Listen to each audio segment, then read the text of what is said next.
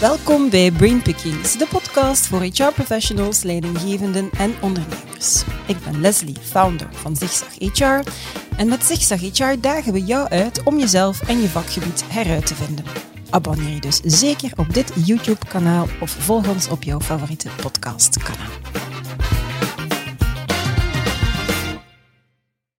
Change en innovatie, daar gaan we het in deze podcast over hebben. Nee, we gaan je niet omverblazen met jeukwoorden en hippe trends of wilde ideeën waarvoor je waarschijnlijk toch geen tijd of budget hebt.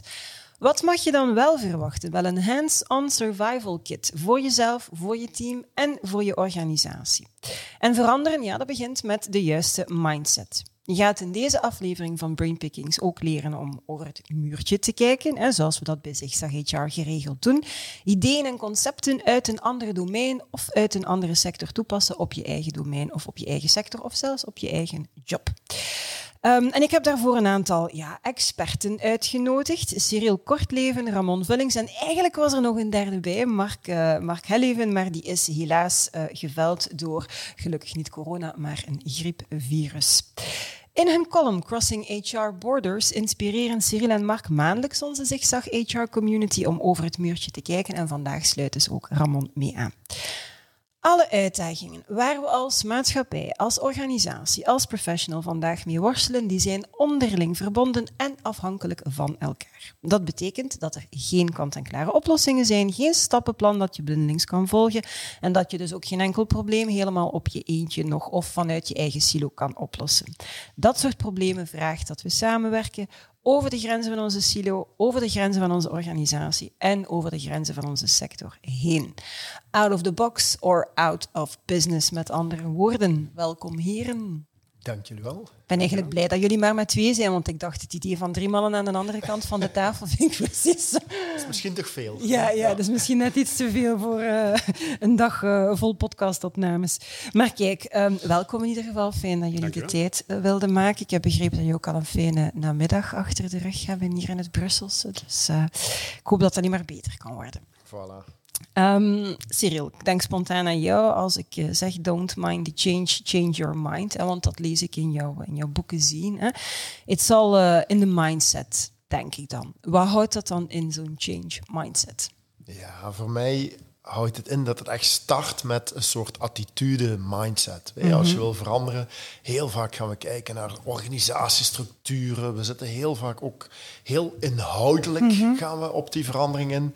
Terwijl het volgens mij elke verandering, als je mensen wil meepakken, uh, vertrekt het van een soort attitude. Uh, hoe, hoe je naar de wereld kijkt. En mm -hmm. volgens mij kan daar heel wat meer aandacht, energie, tijd naartoe om ja, een verandering ook wat makkelijker te maken. Ja. Want veranderingen zijn, zijn vaak gekoppeld aan het is moeilijk, het, het kost heel veel energie. Maar ja, een verandering zorgt er ook voor dat bepaalde dingen daarna een stuk efficiënter, mm -hmm. makkelijker kunnen gaan. Dus als we naar dat proces zelf al een stuk kunnen kijken uh, en die mindset van mensen een stuk meekrijgen, uh, ja, dan denk ik dat verandering zelf ook wel makkelijker wordt. Dus vandaar de, de focus op de mindset. Ja, ja, en ik vraag het nu natuurlijk wel aan jou, maar vul gerust aan, Mark, als je zegt, u ontbreekt hier wel iets fundamenteel wat hij niet uh, heeft gezegd.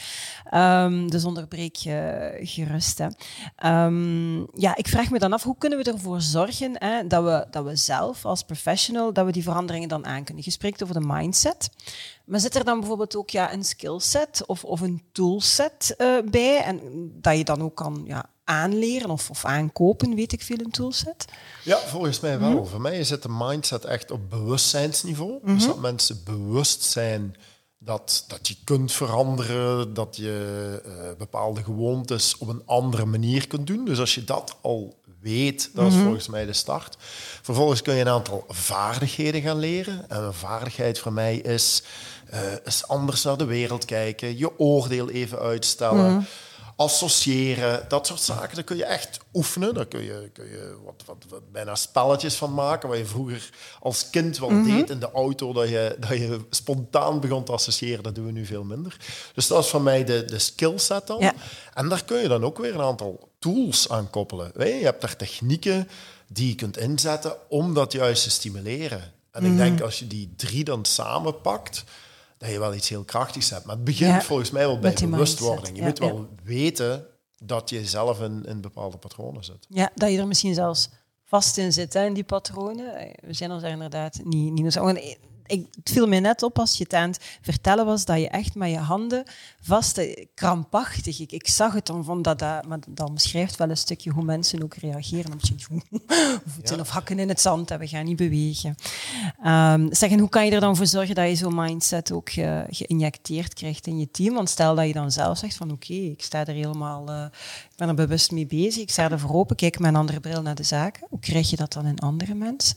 Ja, het begint denk ik inderdaad een stuk bij jezelf. Mhm. Dus als je het zelf al niet weet, ja, dan wordt het heel moeilijk om anderen eh, ook mee te gaan betrekken.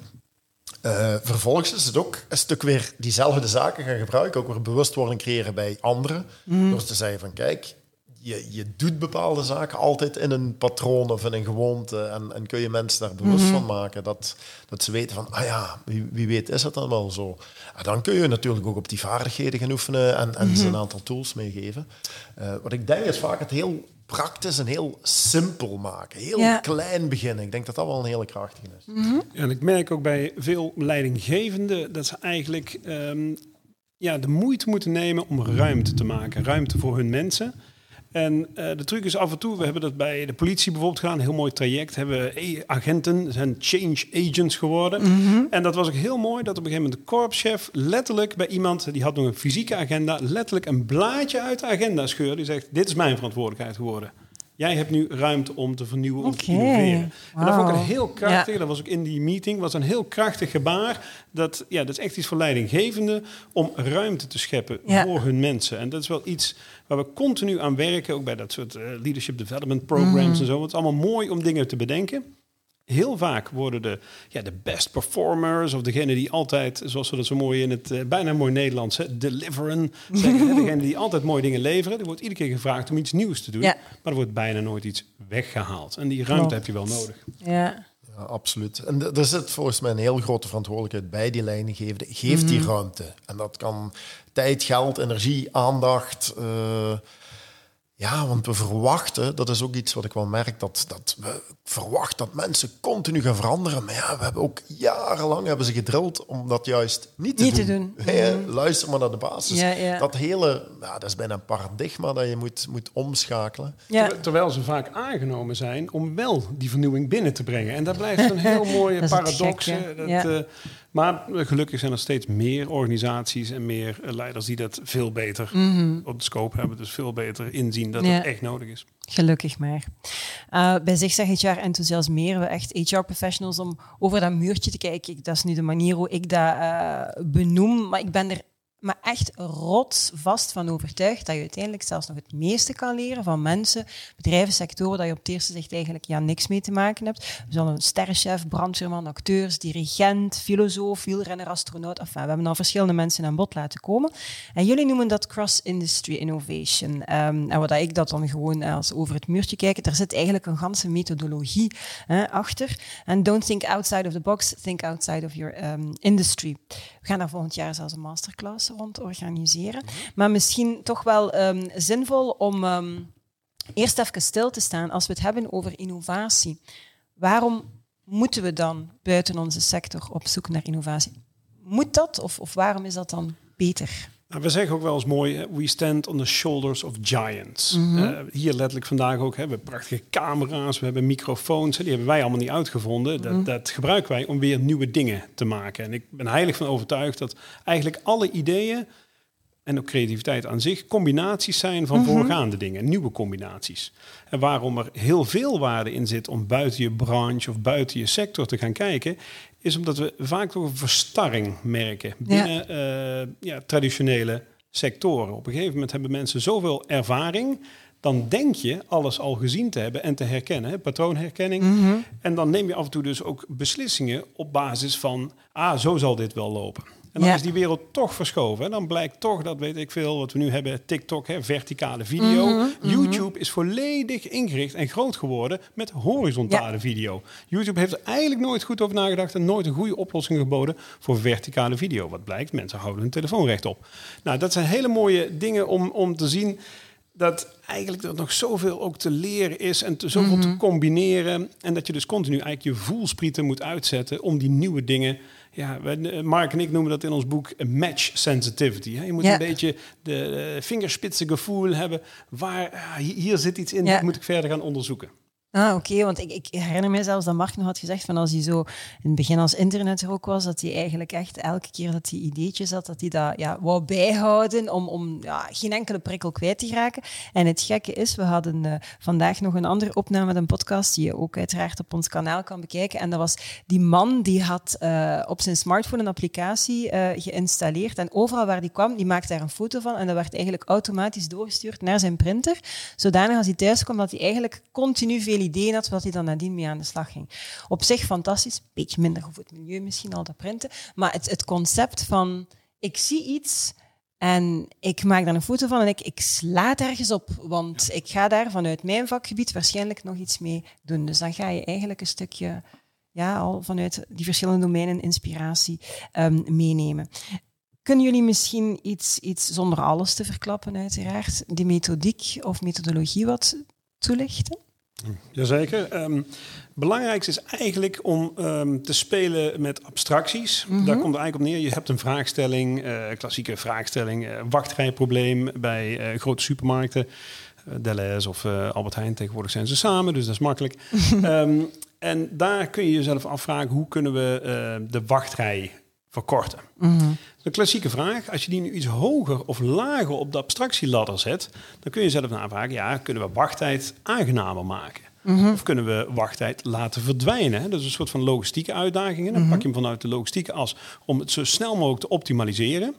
Je kunt ook naar andere branches gaan kijken. Wie heeft hier nog meer mee te maken? Nou, een klassiek voorbeeld is dan Disney. Want mensen Ja. staan in Disney World en in Disneyland allemaal in de rij. Hoe lost Disney dat En op? vinden ze het niet erg om uren in de rij te Ja, staan. juist, want Disney heeft dan volledig entertainment Ja. en ook education eh, concept omheen gebouwd. Dat merken we al een beetje bij ehm, de bouwhandel. Hè. Daar wordt af en toe met een videootje, over het algemeen van zeer slechte kwaliteit, wordt uitgelegd hoe een boor werkt of zo.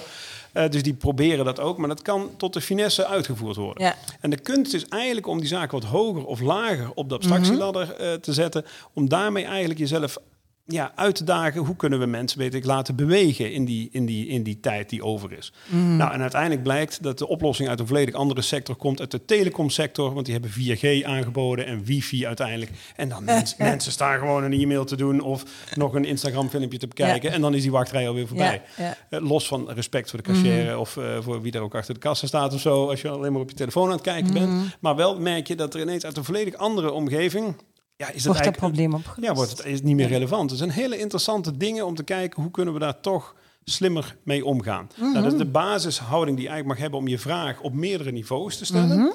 En een andere manier is inderdaad te kijken hoe je slim, eh, dat is eigenlijk meer een concrete tool al, hoe je eigenlijk je jargon kunt wijzigen. Oké. Want de, enige, de ene sector zegt, nou, wij hebben klanten. Bijvoorbeeld, supermarkt heeft klanten. En een advocaat zegt, nee, ik heb cliënten. Ah, cliënten, cliënten, ja. Dan vraag ik vaak aan mensen, wat is nou het verschil tussen een klant en een cliënt? En dan worden er allerlei dingen, relationeel, transactioneel, wordt er heel moeilijk over nagedacht. Terwijl, voor mij is het heel makkelijk. Het is precies hetzelfde. Alleen de advocaat vraagt 200 keer zoveel. En als je dan kijkt ook in het ziekenhuis, hè, patiënten, eh, studenten, passagiers. En als je daarmee doorgaat spelen en dus in jouw basisvraagstelling... eh, hoe kunnen we meer klanten krijgen in onze, in, eh, weet ik veel, op onze webshop? Hoe kunnen we meer studenten krijgen op onze webshop? hey, interessant. Wat zijn de triggers Ja. voor studenten of voor patiënten? En dan, zijn, dan merk je ineens dat je twee contexten die voorheen eigenlijk mentaal gescheiden waren, heel makkelijk gaat verbinden. Want ja, wij vinden het nu heel makkelijk. Hè? We hebben hier boeken liggen. Wij verwachten eigenlijk als we nu ergens op een knop drukken, dat die morgen toch echt wel in de bus ligt. Ja. En tegenwoordig ook bijna binnen een half uur kunnen die in New York eh, rechtstreeks bezorgd worden. Wij zijn daaraan gewend. Ja. Waarom duurt het dan zo lang om mijn zorgverzekering terugbetaald te krijgen? Of eh, de salarisadministratie die gevoerd wordt ergens. Hè? Soms bel je van een organisatie de, de HR-verantwoordelijke. Nee, nee, nee, we zijn bezig met de maandafsluiting en de salaris. Ik denk, ja, dat is toch een standaard proces. Er zijn zoveel andere sectoren die dit soort financiële proces al lang opgelost Ja, hebben. ja. Daar moet iets van te leren zijn. Dus ja, er is nog zoveel te verbeteren uit zoveel verschillende sectoren. Oké. Nou, en het leuke is inderdaad, van op, als je met die verschillende abstractieniveaus speelt, dan kun je die bruggetjes gaan leggen. Ja. Want dan is, we hebben ineens geen, eh, geen eh, klant meer, maar we hebben een patiënt. Ah, wacht even, bij de ziekenhuizen, wat doen ze daar dan? En dan ontstaan er heel vaak verbindingen, wat er al is, wat Ramon ook zegt, van kijk, er zijn al ideeën die ergens anders al zijn uitgevoerd. En hoe kunnen we die dan gaan connecteren? Dus je gaat eigenlijk heel bewust op zoek naar eh, ja, alternatieve. Je gaat anders kijken naar, naar de wereld. Je gaat een klant, wordt een patiënt, wordt een reiziger. Wordt een, en dat is nu nog maar één niveautje waar, waarop je kijkt. Maar dat is eigenlijk wel het basisprincipe. Een beetje de essentie. En volgens mij moet je dat in het begin oefenen. Gelijk dat je alles moet oefenen om er beter in te worden. En op den duur ga je dat waarschijnlijk spontaan gewoon Ja, in, beginnen het zien en begin doen. Hè? merk bij veel mensen, die hebben nog even een paar eenvoudige tools. Hè. Er zijn voldoende eenvoudige tools te vinden en te downloaden. Mhm. En het is ja, eigenlijk, eigenlijk een beetje net als sport, als fitnessen. In het begin is dat even wennen, maar op een gegeven moment krijg je letterlijk eh, muscle memory. Hè, dat je spieren weet hoe het moet. Hè. Mhm. Ik weet zeker dat Cyril eh, geen enkele creatieve techniek nog nodig heeft, omdat de synapsen springen alle kanten op. Ook vanwege het vele doen en begeleiden. Mhm. En dat zijn hele mooie zaken waar je dus letterlijk iedereen op alle niveaus kan hiermee aan Ja. de slag om makkelijk vanuit de eigen positie iets te doen. En dat kan zo geavanceerd als je maar wil. Maar je merkt al eigenlijk dat er heel veel snel te halen is door die kleine dingetjes eh, te vervangen. Ja. ook, ehm, Mark en ik hebben de perfect eh, prefix bedacht. Mhm. En een prefix zijn kleine ehm, voorzetseltjes die je voor concepten kunt zetten. Dus we hebben daar lijsten van, die kun je ook eh, op de website eh, downloaden. En dat betekent eh, pro of un. Dus dan krijg je een conference. Als je daar al deze woorden voor zet, Een een, conference, een conference. En nu is het heel normaal dat we tegenwoordig Ja. Mhm. een conferences hebben. Maar zo kan het ook. Hè? Een un-toilet. Wat zou dan een un-toilet zijn? Of een pro-toilet? interessant. Ja. Nou, dus we hebben hele lijsten op allerlei verschillende variabelen. En door mensen op die manier te triggeren, denken ze... ja, inderdaad, dat is eigenlijk in onze... Dat is het mooie. Als je dus expert bent, specialist in jouw sector... Mhm. dan weet je ook waarschijnlijk goed aan te voelen... wat eventueel wel en niet, wat Ja. radicaal nieuw kan zijn voor jouw omgeving. En dat maakt het echt interessant. Dus dan kun je je kracht gebruiken van jouw kennis van jouw sector... met eigenlijk je voorstellingsvermogen van... hey, nee, dit is onzin, dit is onzin, dit is onzin. En dan denk je ineens... Dat Hey, is het. Dit ja. zou wel kunnen. dit is nou nooit gedaan. Nou. En dat is een hele leuke manier. Ook weer een heel laagdrempelige manier om eigenlijk cross-industry innovation te doen. En over het algemeen, ehm, de, de focus eh, die wij in het boekje eh, Not Invented Here ook hebben gelegd, is innovatie van buiten naar binnen halen. Mhm. Om letterlijk inspiratie ergens anders over, eh, op te doen, hè, over het muurtje kijken. Maar er zijn nog twee andere manieren om te doen. Is te kijken van, wat doen wij al heel goed? En dan welke andere sector kunnen wij dat exporteren? Dus dan Mhm. Heb je een ja. inside-out beweging. Dezelfde beweging, maar dan ga je zelf proactief al kijken... wat kunnen wij ergens anders doen. NASA doet dat bijvoorbeeld met het Technology Transfer Program. Die Mhm. ontwikkelen technieken eh, voor ruimtevaart. En uiteindelijk worden die via het eh, Technology Transfer Program gecommercialiseerd op aarde. Bringing Ja. space technology back to Earth noemen ze dat. Ja. En dat is een hele mooie, hele mooie manier om te kijken hoe dat werkt. Mhm. En dan de derde vorm, hè, dus je hebt outside in, Mhm. inside out. En eh, de derde vorm is gepartnerd. Dan doe, je, het echt bewust samen. Wat is jouw unieke eh, value proposition? Wat is onze unieke kenniskunde, eh intellectueel eigendom, weet ik veel. En dan kijken, kunnen we dan een derde waardecomponent genereren? En dat is heel mooi. Dan zie je dat Venn-diagram letterlijk overlappen. En dan zie je, hey, ja, daar, Ja. daar zit een nieuw waarde. Want ja, jij brengt iets, ik breng iets. Wij met z'n drieën kunnen dat ook doen. Eh, met, als we met z'n drieën de, de cirkels over elkaar leggen, dan in het midden denk ik, hey, daar zit iets in. Oké. Ja, dus eigenlijk kan je het een stukje, eh, uiteraard zijn er heel veel technieken en, en maar dat zijn eigenlijk de drie manieren, hoor ik jou zeggen, om de drie, ja, laten we zeggen, grote strategieën grote, ja, ja. die je kunt toepassen. En dan heb je eigenlijk verschillende En dan tools. heb je verschillende en- tools die al die verschillende dingen kunnen ondersteunen. Oké, en daar kunnen mensen in principe toch ja, voor hun bedrijf, voor een afdeling, maar zelfs voor je eigen job, zou ik al zeggen, kan je daar Ja. ook perfect mee aan de slag. Of om een bepaald probleem thuis op te lossen, kan je eigenlijk net dezelfde op alle velden volgen. Hè? Dat is het Ja. leuke van die bewustwording. Ja. Hey, vanaf het moment dat je bewust Ja. wordt, maakt het niet uit Ja. of nu professioneel, privé. Ja. Dan Ja. ben je vertrokken. Oké. Eh, we zoeken altijd naar de oplossing, het idee waar nog nooit iemand aan gedacht heeft. Ramon, jouw boekje eh, gaat daarover. Dat bestaat niet. Hè? Zeg je eigenlijk is, is alles, elk idee is een remix. En creativiteit is in dat opzicht een proces van kopiëren, aanpassen, mixen van bestaande ideeën. En wat staat er nog in dat boek? Ideeën moeten zelfs helemaal niet nieuw zijn. Ze moeten gewoon nieuw zijn binnen de context waarbinnen je, dat je ze gaat toepassen. En zeg je, we moeten allemaal een ID-DJ worden, want jij bent een ID-DJ. Vertel van waar die metafoor DJ. Ja, DJ is inderdaad van het mixen. Mm Mark en ik hebben dat destijds ooit bedacht om brainstorms te ondersteunen. Dat we ze visueel gingen ondersteunen. En mhm.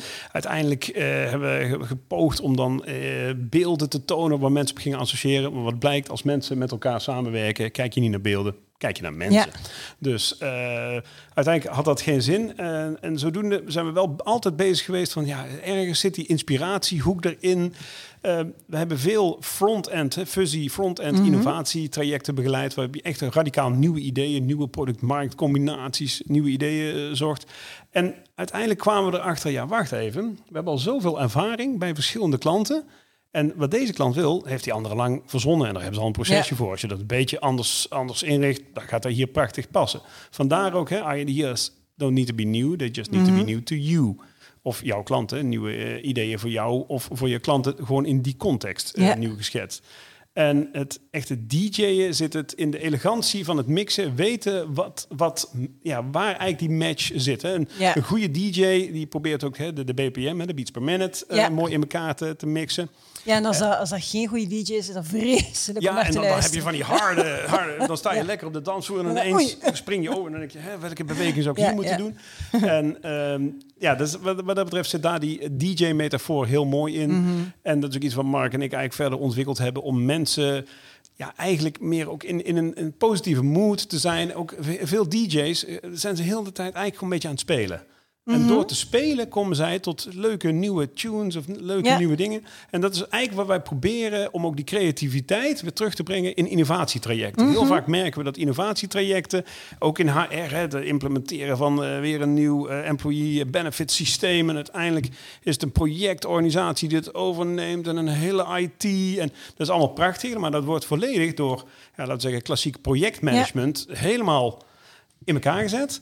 En de kunst is om daar nog steeds op die cruciale momenten mhm. die creativiteit of die glimlach in te brengen. Ja.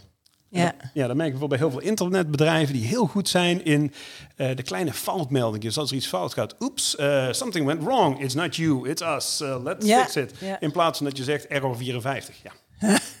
en, en, dat soort kleine dingen, en uh-huh. daarmee kun je al heel mooi spelen. En dat kun je uit zoveel verschillende, verschillende omgevingen leren. Hoe kunnen we dat gewoon wat mooier en wat leuker mm. maken? En dan worden al die processen meer fluïde. Ja, fluide processen, inderdaad. Zeg, en ik was ook aan het denken van een goede DJ, um, die kan inderdaad goed mixen, maar die moet ook aanvoelen van wat het, wat het, wat het publiek of wat de markt dan voelt. Hè? Want ook dat kan je soms hebben van, die, ziet die DJ niet wie dat er hier in de ruimte zit, die muziek. Ja, dat is je ziet toch dat er geen reactie komt, dus pas dus, En dat is een heel, ja, een heel mooie dans en een heel mooi spel tussen al die, uh, al die actoren. Mm En ja, die, die, die metafoor gaat op zoveel uh, vlakken op. Hè? Ook de DJ heeft altijd zijn of haar eigen koffer mee met eigen mhm. muziek. Hè. Tegenwoordig zijn dat allemaal, uh, allemaal USB-sticks of allemaal uh, gestreamde zaken. Maar de traditionele DJ's, heel veel hebben ook echt koffers mee. Maar ook met hun eigen handgecureerde lijst. Ook sommige dingen die weten ze, dat werkt altijd. Mhm. Sommige zaken is inderdaad even aanvoelen en ook kijken wat het publiek wil. Wat is nu,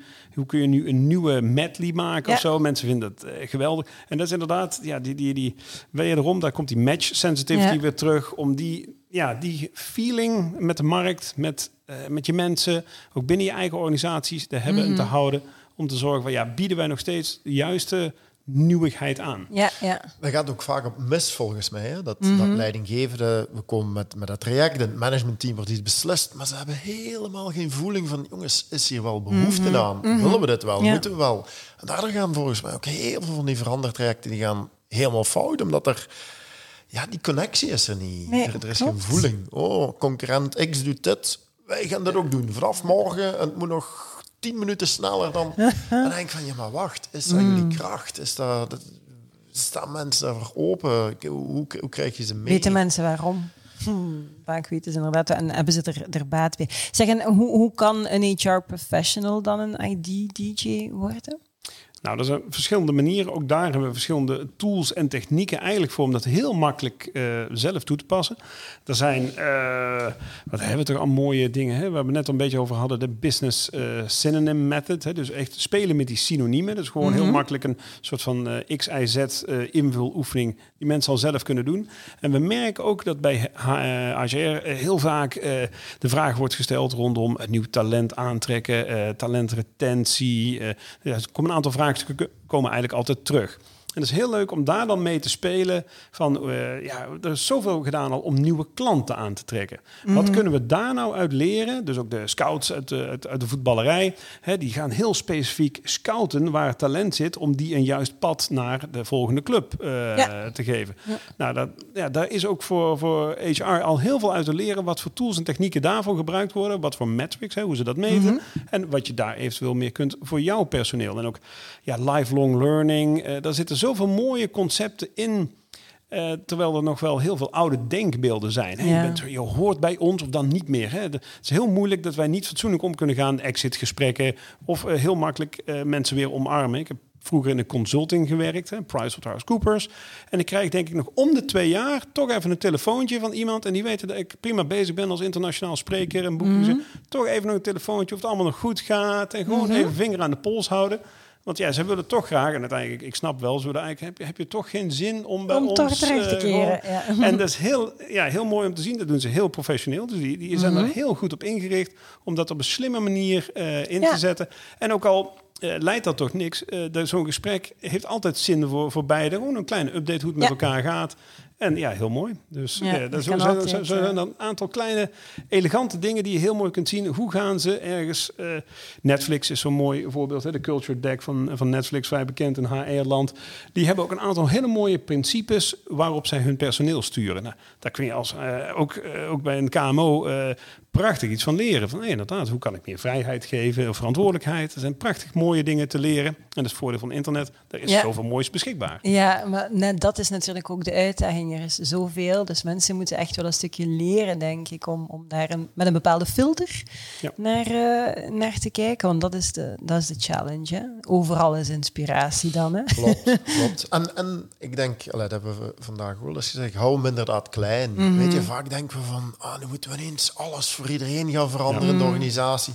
Nee, test het eens heel klein uit. Ja. Ga eens iets proberen met, met een klein groepje. Of, of mensen die al enthousiast zijn. Begin daar eens mee te kijken welke richting we uitgaan en hoe zij reageren.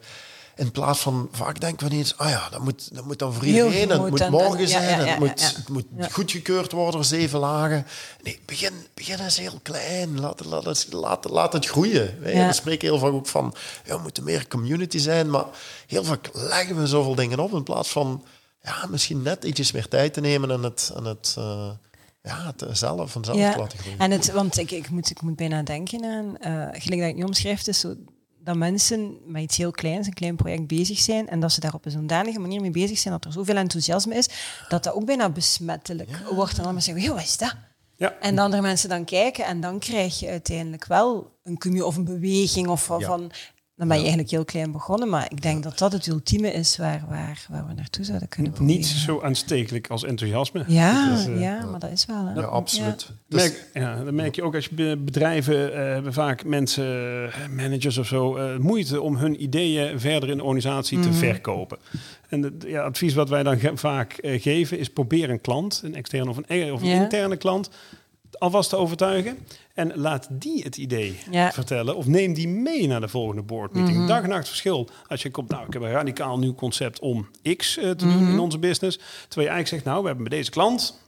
Uh, weet ik veel, ja. Danone of zo, ja. uh, hebben we iets besproken. En die wil ook graag hun ervaring van onze kleine pilot delen. Ja. Nou, moet je kijken wat een andere ontvangst krijgt als jij een klant meeneemt aan een boardmeeting of zo. In plaats van zelf proberen intern je spullen te verkopen. Dan, ja, heel dat is energie, hè? passie. Ja.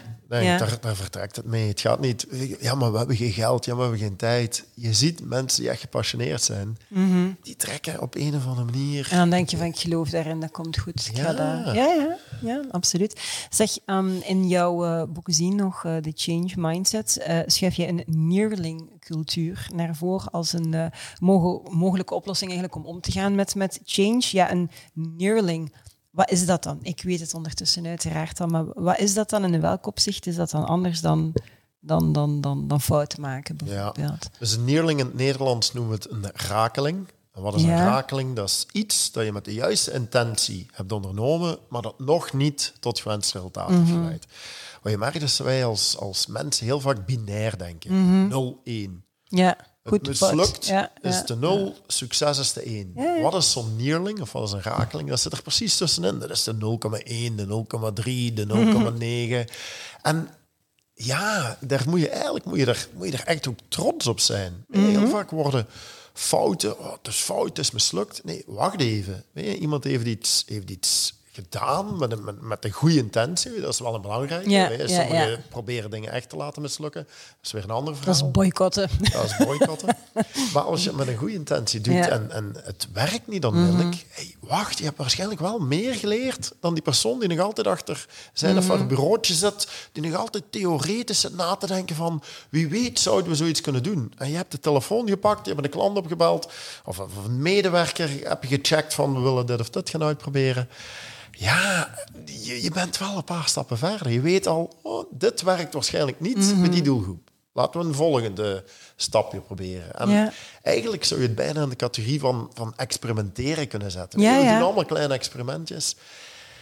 En het is vooral, we hebben heel bewust hebben we ook naar uh, een ander woord gezocht, puur voor die connotatie. Nee, want ze zeggen, je hebt die, die uitdrukking van fail fast, fail forward, fail often. Maar het is nog altijd failen. Een failure ja, Klinkt gewoon negatief, hè? We hebben er schrik van. We hebben het en ook, los, hè? losing, loser. Ja, dus er zit een hele negatieve connotatie bij. We zijn eigenlijk te voorzichtig, dus we moeten die voorzichtigheid wat reduceren om weer mhm. ruimte te hebben voor andere zaken.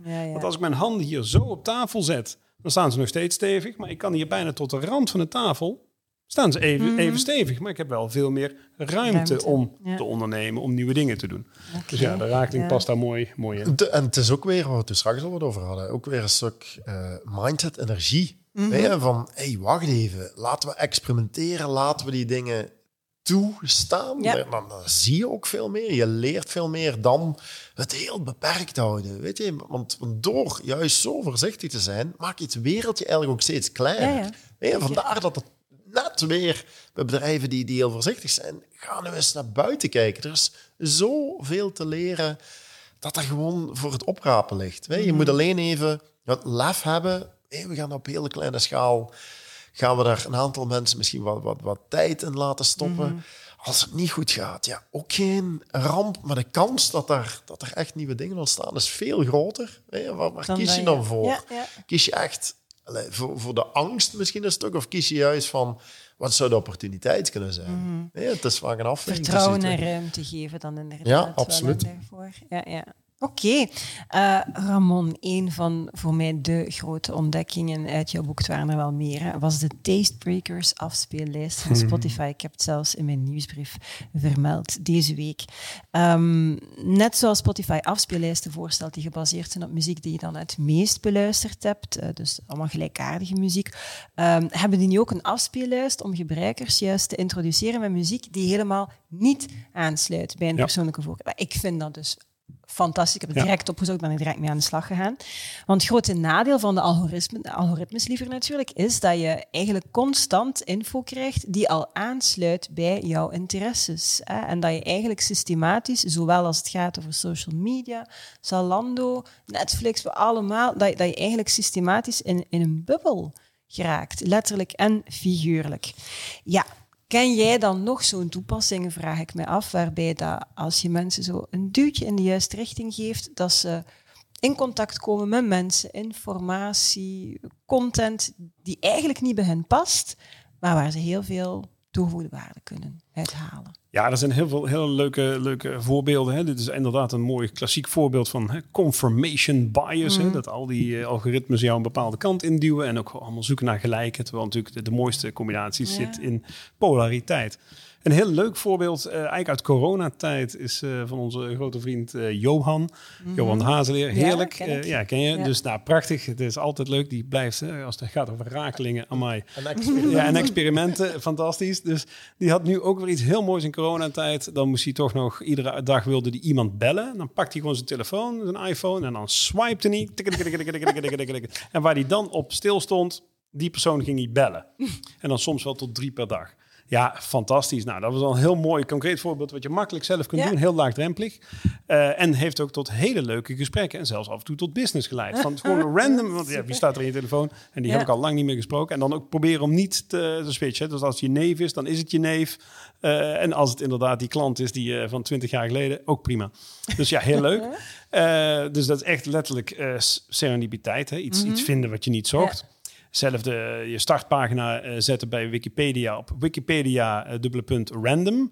Dan eh, heb je je startpagina van je browser op je computer en die iedere keer opnieuw opstart. En als je daar eh, de random page van Wikipedia gelinkt hebt, krijg je iedere dag. Ja, de ene, ene dag gaat het over de Azteken, de andere keer gaat het over eh, John F. Kennedy en de volgende keer gaat het over waterstofauto's.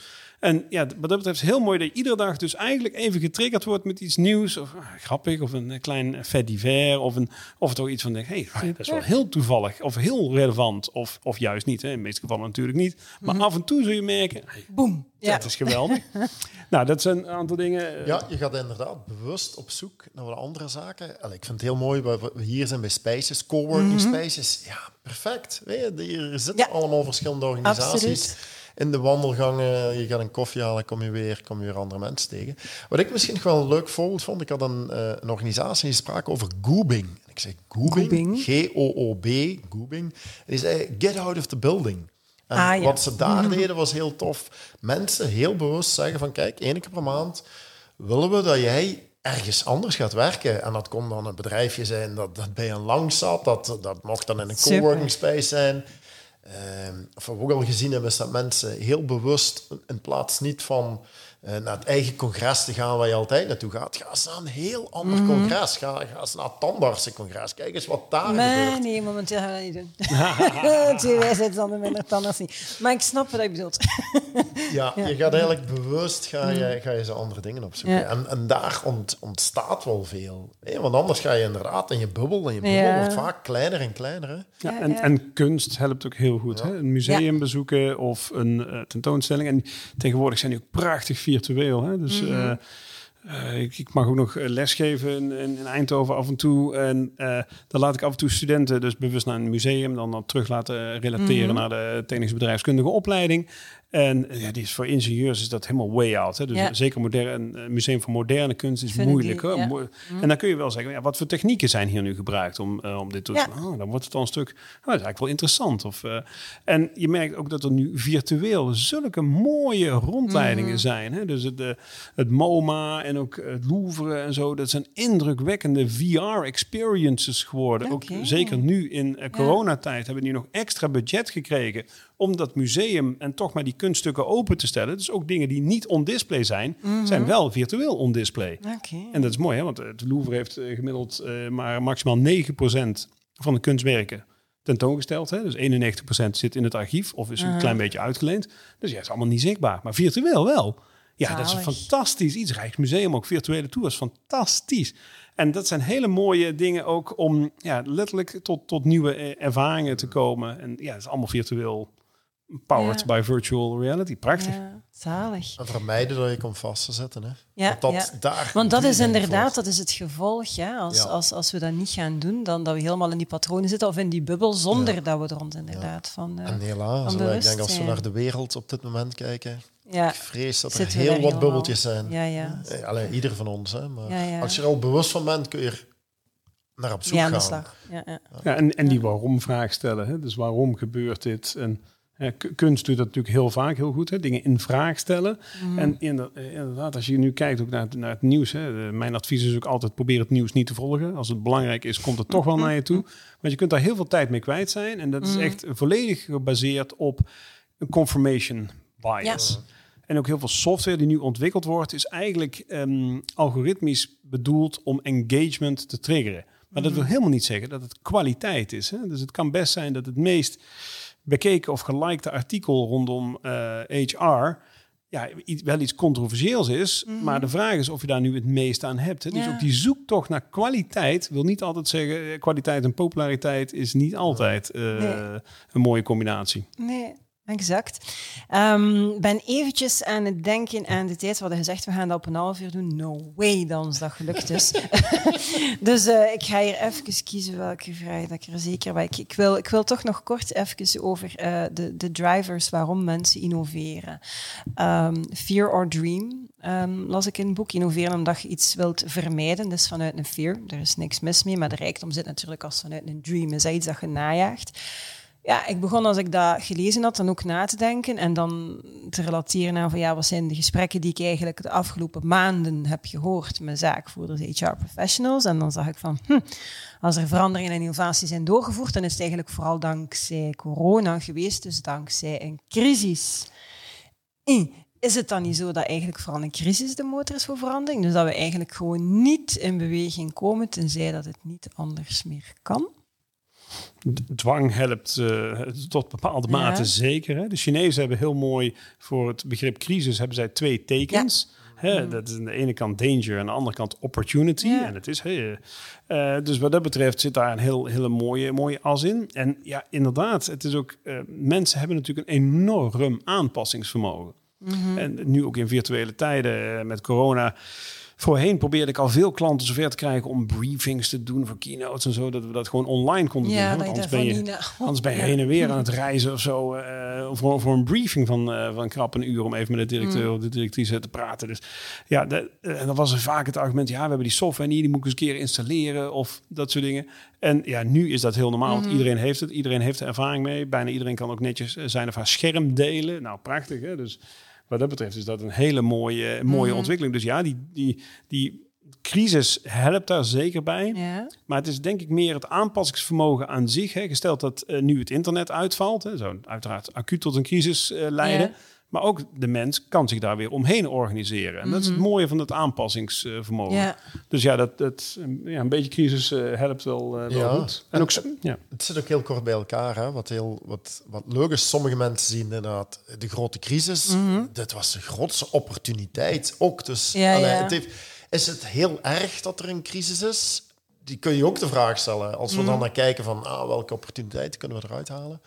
Uh, maar de driver is natuurlijk anders. Hè. Een crisis komt heel vaak van buitenaf. De droom is van binnenuit. Ah, wel, ik denk dat dat inderdaad het, het grootste verschil is. En dat je daarnet merkt dat dat veel te weinig gebeurt. Dat het altijd is omdat er extern iets gebeurt. Of iemand duwt of verplicht of dat je in beweging komt? Nou, de basis van alle ondernemerschap is eigenlijk bijna alle ondernemers beginnen vanuit een eigen drive om iets mooier, beter, leuker, uh, een probleem voor iemand anders op te lossen. Mm. Weet ik veel. Dus die drive en die, dat wordt, wat dat betreft, dat risico wordt ook vrij vaak beloond. Hè? Dus ook het mogen dromen en ook, mm. voor mensen om, om, om de, de, ruimte te krijgen om daar eens even over te reflecteren. Ja, dat is echt wel uh, niet voor niks. Hè? Daarom uh, je eigen notities maken, een aantekenboekje en zo en dat weer eens nalezen, dan merk je, dan denk je af en toe, heb ik dat geschreven? Dat is zo goed, dat kan niet.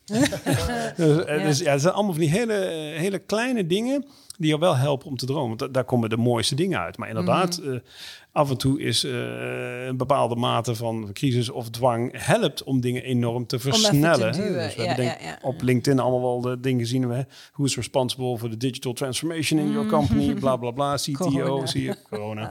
dus ja, wat dat betreft uh, wel uh, zeker voor deze tijd los van, ja, los van het lied uiteraard. heel veel mensen die het leven hebben, hebben gelaten en mensen die een job kwijt zijn geraakt. Maar toch heeft het zeker en vast een en ander wat meer in beweging gebracht. Om af te sluiten. Um, ik had in het begin gezegd dat mensen een toolkit gingen krijgen. Als jullie nu nog alle twee een, een, een goede tip, een hands-on idee of, of heel praktisch iets kunnen meegeven voor wie luistert of kijkt, waar gaan we mee afsluiten? Ja, voor mij dan ga ik toch weer terug naar, naar een techniek die ik al heel vaak gebruik, maar hij blijft gewoon enorm krachtig, is van een ja maar naar een ja en mhm. gaan. Weet je, dat is voor mij zo'n mooi voorbeeld om bewust te worden van je eigen oordeel. Wils mm. mensen oordelen continu. We zien iets voor een woord. Je hebt er al een mening of ergens iets bij. Als wij nu kunnen leren, ik noem dat de drie minuten regel, dat is misschien mm hele mooie in de volgende vergadering. Neem dus, je hebt tien agendapunten. Uh, negen daarvan logisch denken, maar pak misschien eentje waar je denkt, hier zou wat creativiteit voor kunnen Mhm. gebruiken. Ga dan eens drie minuten in de ja-en-modus. Je mag alleen maar ja-en zeggen. Je hebt alle geld, je hebt alle tijd. Je hebt... En na die drie minuten, eh, back, naar, back to reality. Dan mag je weer dingen afschieten, zal ik zeggen.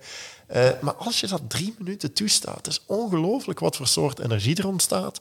En dat er echt hele mooie ideeën eh, komen. Je hoeft niet alles te doen. Je pikt er een paar kleine dingetjes uit. Dus ik vind dat zo'n simpele, maar daarom is ze waarschijnlijk ook zo krachtig. Van, kun je eens tijdelijk even van een EMR naar een EN gaan. Dat zou Ja. mijn tip zijn. eh, probeer dat eens een keer uit. Oké, dus daar gaan we zeker al mee aan de slag. hè, Ramon?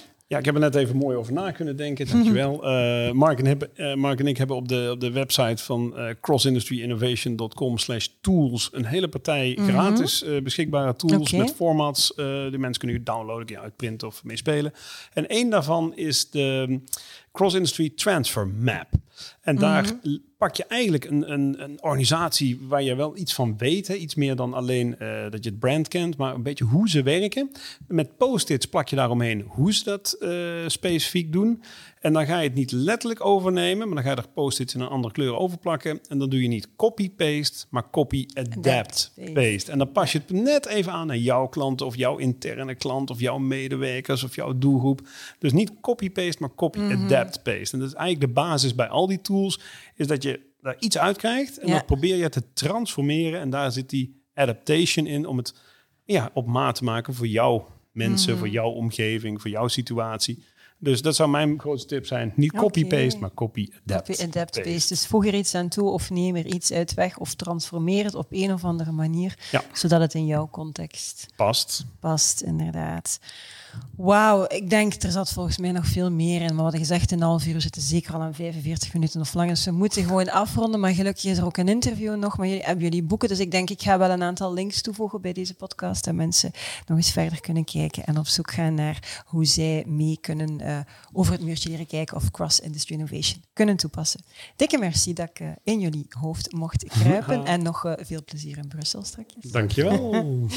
Dankjewel ook aan jullie om te kijken of om te luisteren. Het is weer al gedaan. Helaas, smaakt dit naar meer? Ga dan zeker naar ons YouTube-kanaal of volg ons op ja, podcastkanaal naar keuze. Er zijn er genoeg. Ja, heel belangrijk om weten is dat we natuurlijk ook een fantastisch tijdschrift hebben. En die heel progressieve professionals die zijn er uiteraard al lang op geabonneerd. Dus misschien moet je daar ook wel eens van maken. Het allerbelangrijkste waarmee ik elke podcast afsluit, dat weten jullie al. It's a great time to be in HR. Tot de volgende.